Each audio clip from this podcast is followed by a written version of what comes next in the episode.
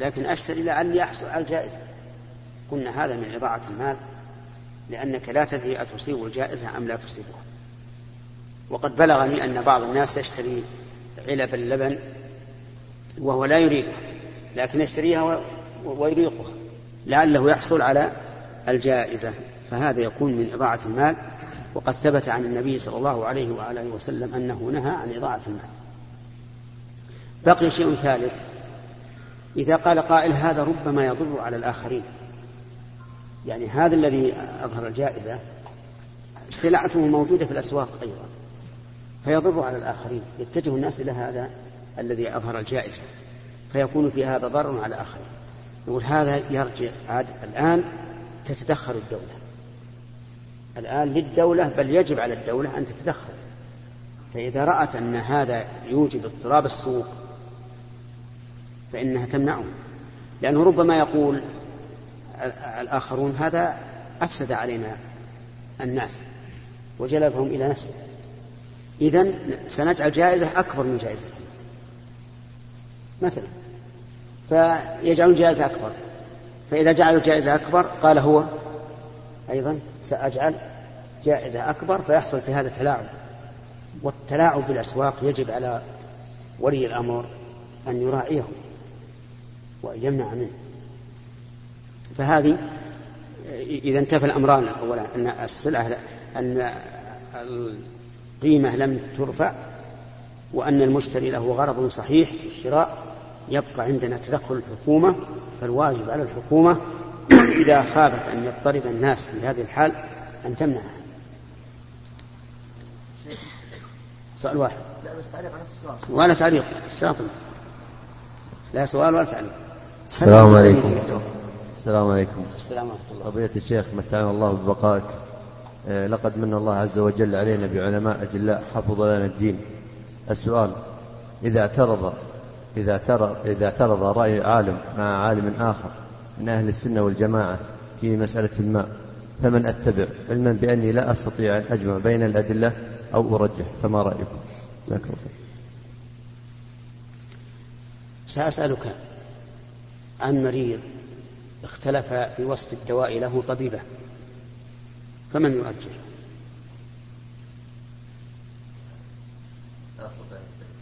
يرجح من يطمئن قلبه إلى أنه أعلم وأوثق.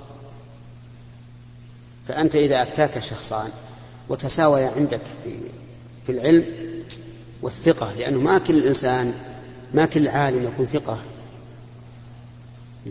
لأننا نقسم العلماء إلى ثلاثة أقسام. علماء ملة وعلماء دولة وعلماء أمة.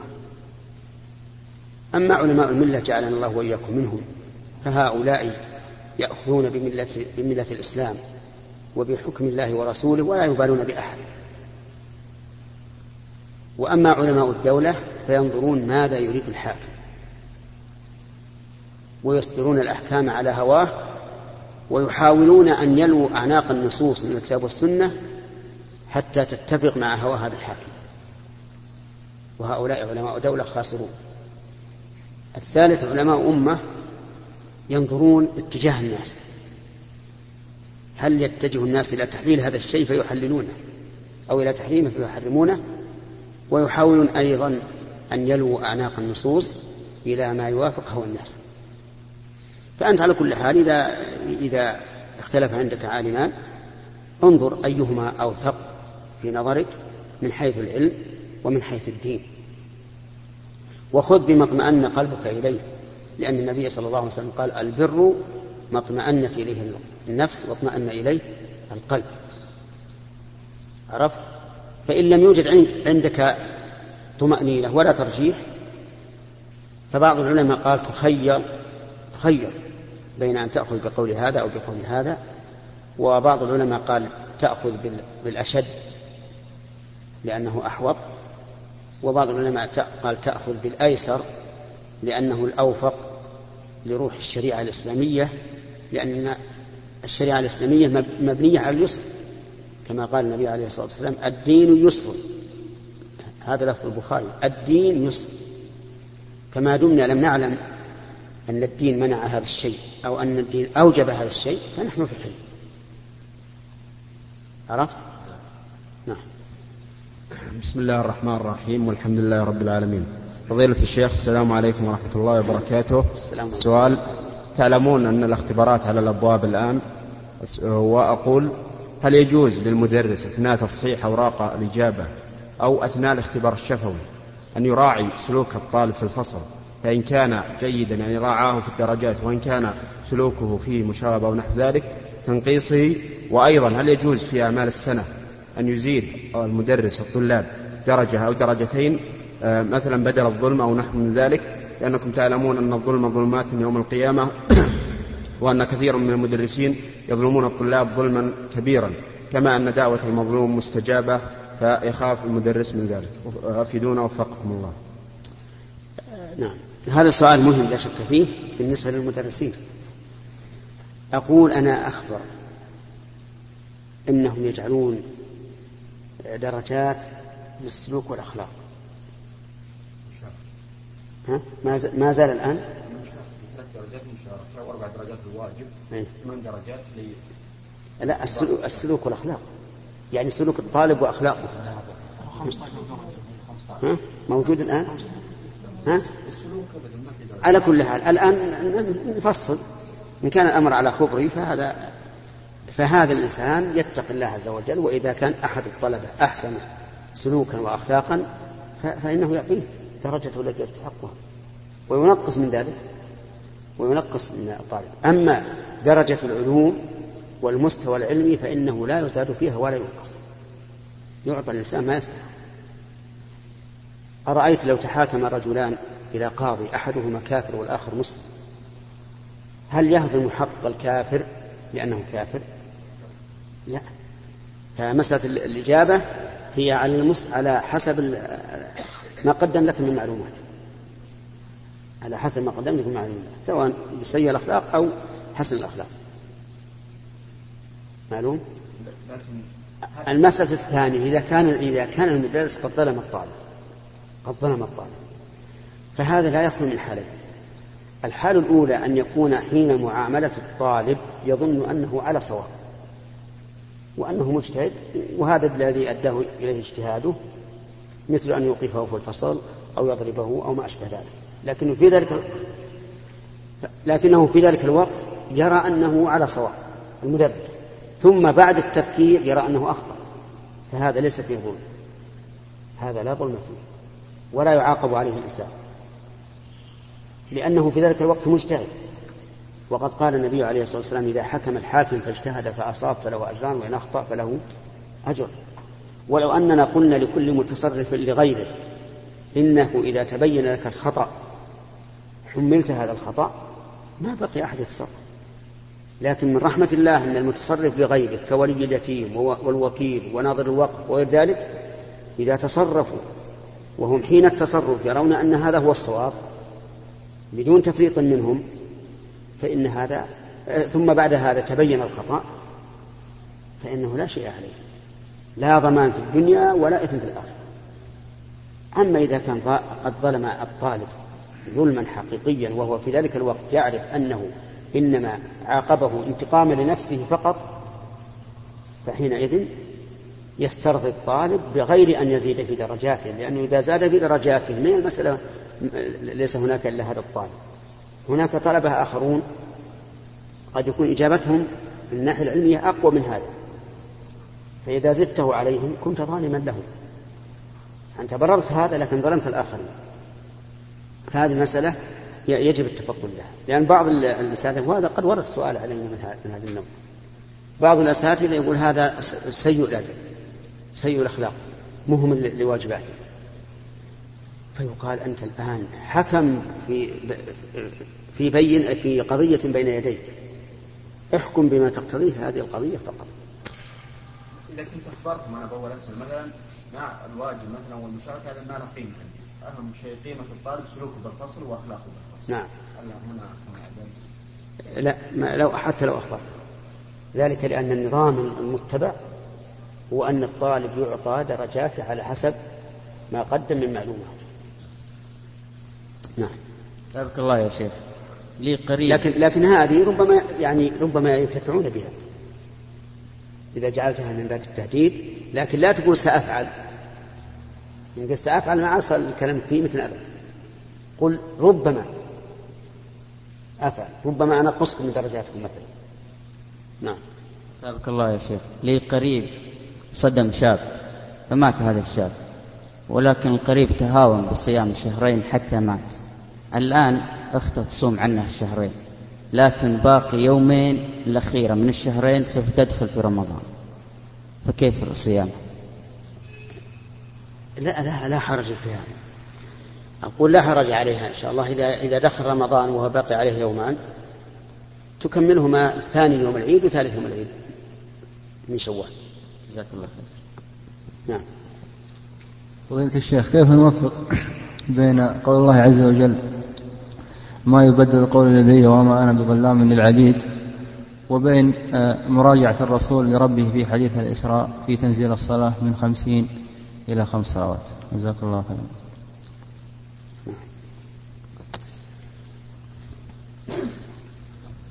أولا اقرأ الآية الأولى.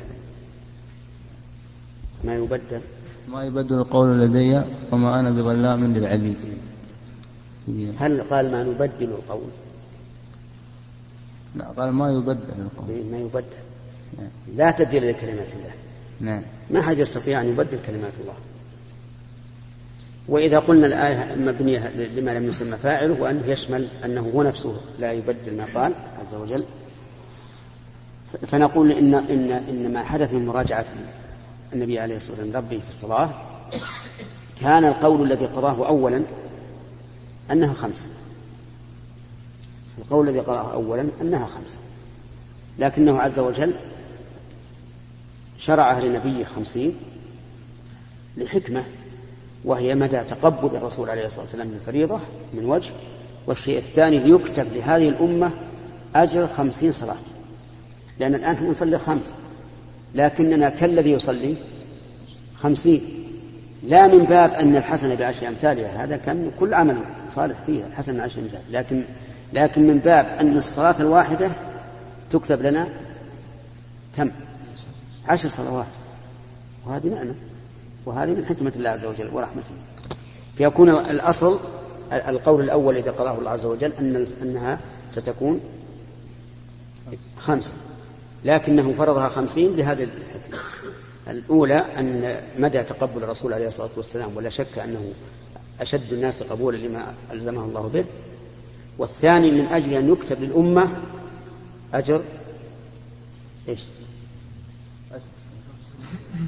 أجب أنت. يكتب خمسين.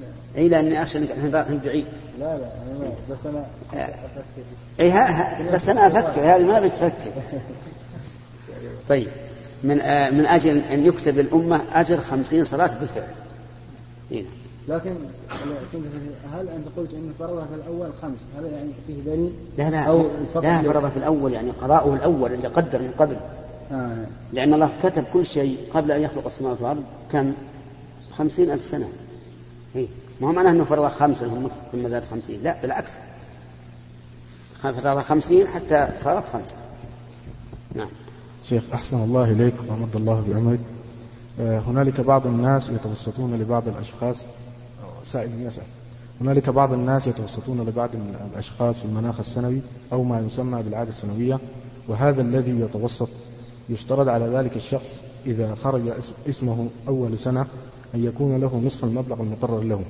وبعضهم لا يشترط ولكنه يعده. هذا المقدم له يعده أي هذا المقدم له أي لأوراقه أنه إذا خرج اسمه أن يعطيه نصف ما يقرره له. هل هذا جائز؟ أولا طلب المناخ أو العادة. إذا كان الإنسان في حاجة فلا بأس. وأما إذا لم يكن في حاجة فإنه لا يجوز له هذا. وذلك لأن النبي صلى الله عليه وعلى آله وسلم قال لعمر بن الخطاب ما جاءك من هذا المال وأنت غير مشرف ولا سائل فخذه. وما لا فلا تتبعه نفسك. ولأن الإنسان الغني لا يجوز له أن يسأل الناس يستكثر. قال النبي صلى الله عليه وسلم من سأل الناس أموالهم تكثرا فإنما يسأل جمرا فليستقل أو ليستكثر. هذه واحدة. ثانيا إذا كان فقيرا محتاجا فلا بأس أن يؤجر شخصا يطالب له ويقول لك نصف المبلغ ربع المبلغ حسب ما يتفقان عليه. هنا.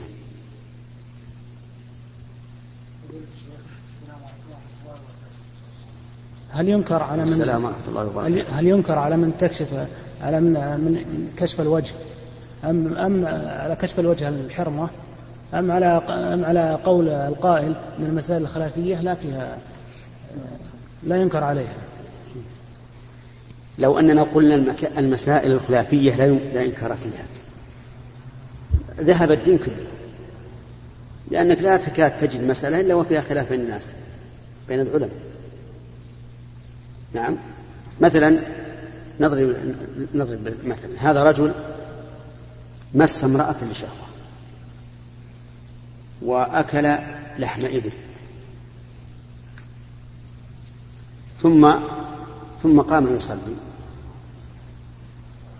فقال أنا أتبع الإمام أحمد في أن مس المرأة لا ينقض وأتبع الشافعي في أن لحم الإبل لا ينقض الوضوء وسأصلي. فهل صلاته الآن صحيحة؟ هي على القولين غير صحيحة. لأنها إن, إن لم تبطل من قبل مذهب الإمام أحمد بن حنبل بطلت من قبل مذهب الشافعي. وإن لم وإن لم تبطل من جهة مذهب الشافعي بطلت من جهة مذهب الإمام أحمد. فيضيع الإنسان. المسائل الخلافية تنقسم إلى قسمين قسم مسائل اجتهادية يسوغ فيها الخلاف. يعني بمعنى أن الخلاف ثابت محقق وله نظر وله حظ من النظر. فهذه لا إنكار فيها على المجتهد. على المجتهد. أما عامة الناس فإنهم يلزمون بما عليه علماء بلدهم. لئلا ينفلت العامة لأننا لو قلنا العامي أي قول يمر عليك لك أن تأخذ به لم تكن الأمة أمة واحدة. ولهذا قال شيخنا عبد الرحمن بن سعد رحمه الله قال العوام على مذهب علمائهم. فمثل هنا عندنا في المملكة العربية السعودية أنه يجب على المرأة أن تغطي وجهها. فنلزم نساءنا بذلك. حتى لو قالت لنا امرأة أنا سأتبع المذهب الفلاني والفلاني قلنا لا. أنت عامية. ما وصلت إلى درجة الاجتهاد. وإنما تريدين اتباع هذا المذهب لأنه رخصة. وتتبع الرخص حرام. أما لو يأتينا عالم من العلماء الذي أداه اجتهاده إلى أن المرأة لا حرج عليها بكشف الوجه ويقول أن امرأتي سوف أجعلها تكشف الوجه قلنا لا بأس. لكن لا يخليها لا يجعلها تكشف الوجه في في بلاد محافظة يسترون الوجوه. يعني يمنع من هذا. يمنع من هذا لما لأنه يفسد غيره ولأن ولأن المسألة اتفاقية في أن ستر الوجه أولى. لكن خلاف في الوجوب فإذا كان ستر الوجه أولى فنحن لم نلزمه بما هو حرام على مذهبه إنما ألزمناه بما هو أولى ومن أجل أن لا يفسد الناس عندنا فيتبعون الرخص إذا ذهب إلى بلاد فهو كتب.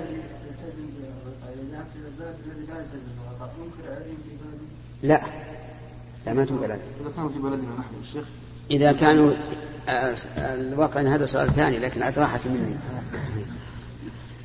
إذا كان في في بلادهم لا ننكر عليه لأنهم كما قلت لكم المسائل الاجتهادية ما فيها إنكار. إذا كان لها حظ من النظر.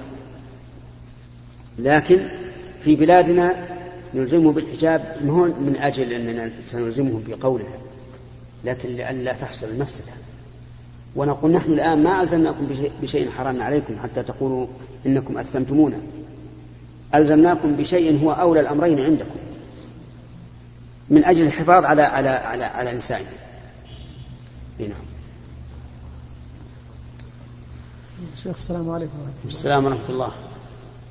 هناك مواطن من أهل مدينة جدة نعم. ذهب إلى العمرة. إيش؟ ذهب إلى العمرة. نعم. اعتمر فأخذ شيء من شعره وعاد إلى بيته بجدة فعندما خلع الإحرام ولد أنه لم آه، يتجرد من السروال. إيه.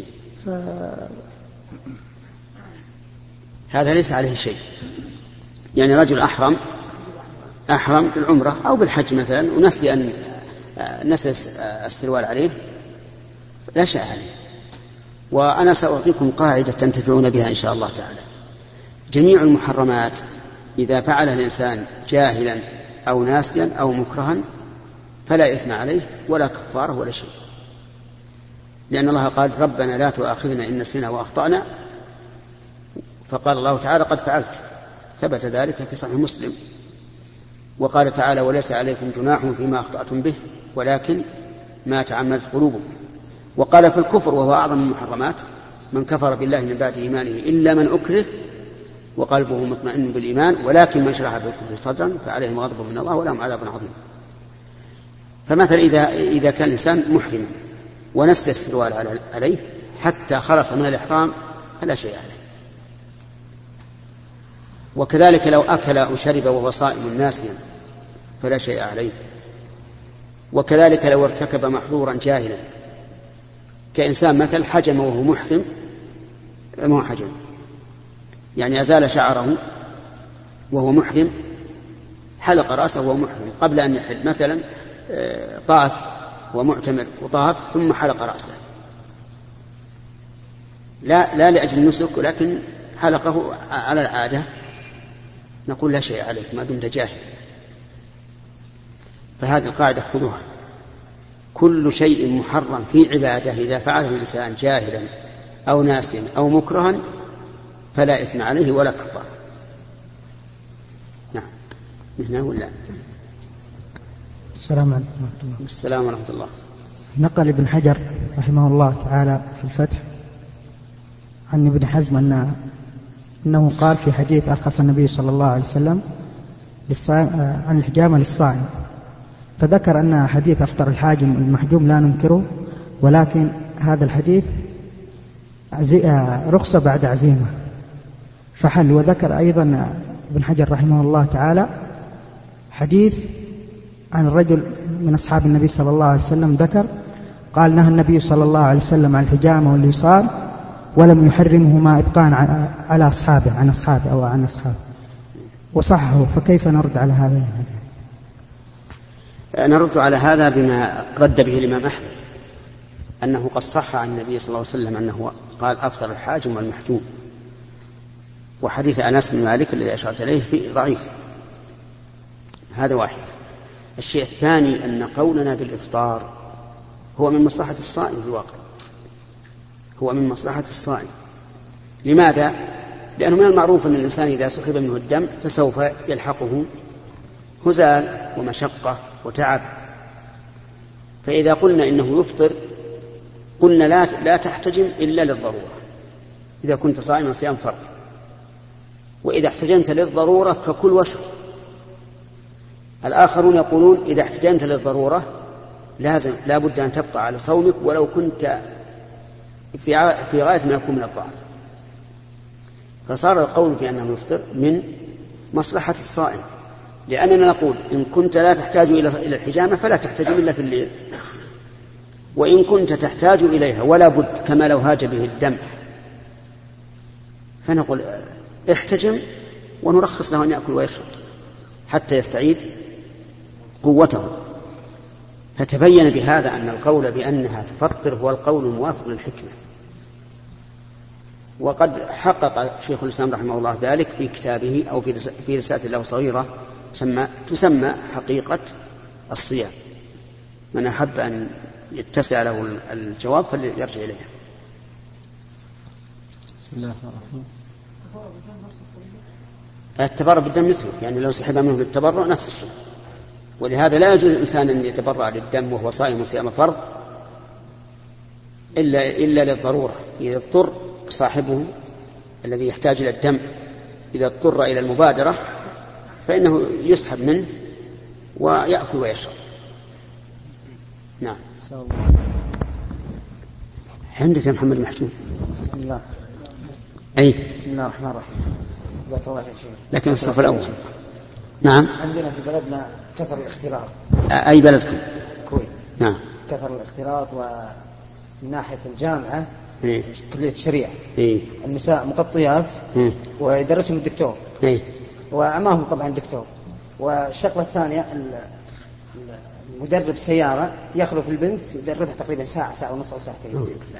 فإذا قلنا يعني إذا كانت نيته صالحة هذا المدرب وأين محكم حديث النبي صلى الله عليه وسلم ما خلا رجل من امرأة إلا كان الشيطان ثالثهما وكلمتنا العامة يعني الشيطان ما مات إذا قلنا يعني. حتى إذا قلنا يعني قلنا. أن نيته صالحة وإذا خلا فيها ساعة وساعتين وكلية الشريعة يعني البنات مغطيات شيخ ويدرسهم الدكتور ونيته يعني. وقد يكون من المرأة أن تجي لها تقول لها يا دكتور وهي يقول لها أنت اسمك فايزة وياخذ إياها ويعطيك. جزاكم الله خير يا شيخ. جائز يعني. ولا والله ما أولا بارك الله فيك. هذا السؤال من شقين وأنت ما شاء الله عليك الذاك الظاهر أنك ذكي ما شاء الله. آه، السؤال الأول آه، ال- الاختلاط في الجامعة. وهل هذا الاختلاط بمعنى أن كل واحد من الطلبة جنب إلى جنب امرأة طالبة؟ صارت قاعتهم إيه. بس الدكتور آه. طيب. هل يدخل عليه عليهن وهن منقبات أو كاشفات الوجوه.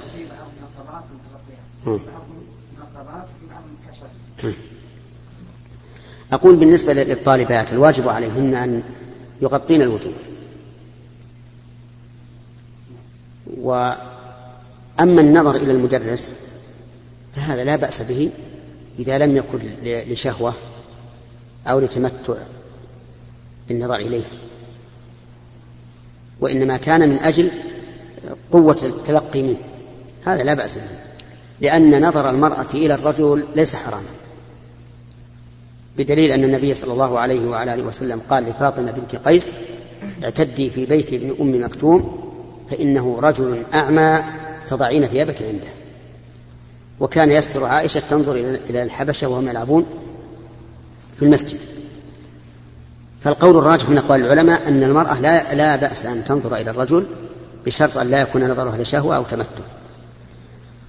وأما بالنسبة لتدريب آه، الفتاة على- على قيادة السيارة وانفرادها برجل يدربها فهذا لا يجوز. هذا أكبر فتنة مما لو انفرد بها في حجرة. لأنه من المعلوم أن النفس يعني تحب من أحسن إليها. وهذا المدرب إذا عامل الفتاة باللطف واللين وما أشبه ذلك يكون في فتنة كبيرة. ما يتصورها الإنسان. وكيف مثلا بتجد جنبه يوريها كيف يعمل بعجلة القيادة وكيف يعمل بالفرامل وكيف يعمل بكذا خطيرة جدا جدا. ثم إن من رأيي أنا أن المرأة لا لا, لا تترك السيارة. يعني الرجال قلوا ما بقي إلا أن, أن نضط- نضطر إلى إلى النساء. أبدا. ما قل الرجال. الرجال كثيرون. وقيادة السيارة للمرأة المرأة للسيارة فيها أخطار كثيرة. إذا كنا الآن نخشى من شبابنا إذا إذا ذهبوا بالسيارات إلى البر وغيره نخشى عليهم من الفتنة. كيف المرأة؟ من يضبط المرأة إذا أخذت السيارة وخرجت للبر؟ أو لأي إنسان تريده؟ من يضبطها؟ الحقيقة أن أني أتعجب من بعض الناس. كيف ينظرون إلى الأمور بظواهرها ويقول المرأة لا بأس أن تقول السيارة كما كانت النساء تركب الجمال في عهد الرسول؟ يقول إحنا لا لا ننكر أصل أصل قيادة المرأة للسيارة مو منكر. عمل كغيره من الأعمال. لكن ما يترتب عليه من المفاسد الكثيرة العظيمة نمنعه. والشريعة الإسلامية جاءت بسد الذرائع الموصلة إلى المحرمات. ثم لسنا في ضرورة الحمد لله. الشباب كثيرون والمرأة إذا. إذا تعود أخوها أو ابنها قيادة السيارة كفاه فليتكم ليتكم تبثون هذا هذه هذا الكلام هناك وأنه لا ينبغي للمرأة أن تقود السيارة والواجب منعها من ذلك. لا نقول أنه حرام أصل القيادة حتى لا يحتج علينا محتج نقول أصل هذا حلال لكن ما يترتب عليه من المفاسد. يوجب أن أن تمنع المرأة منه. وانتهى الوقت بأذان الظهر ونسأل الله تعالى أن يتقبل منا ومنكم وإلى لقاء آخر إن شاء الله بعد بدء الدراسة. والسلام عليكم ورحمة الله وبركاته إيش؟ أيها الإخوة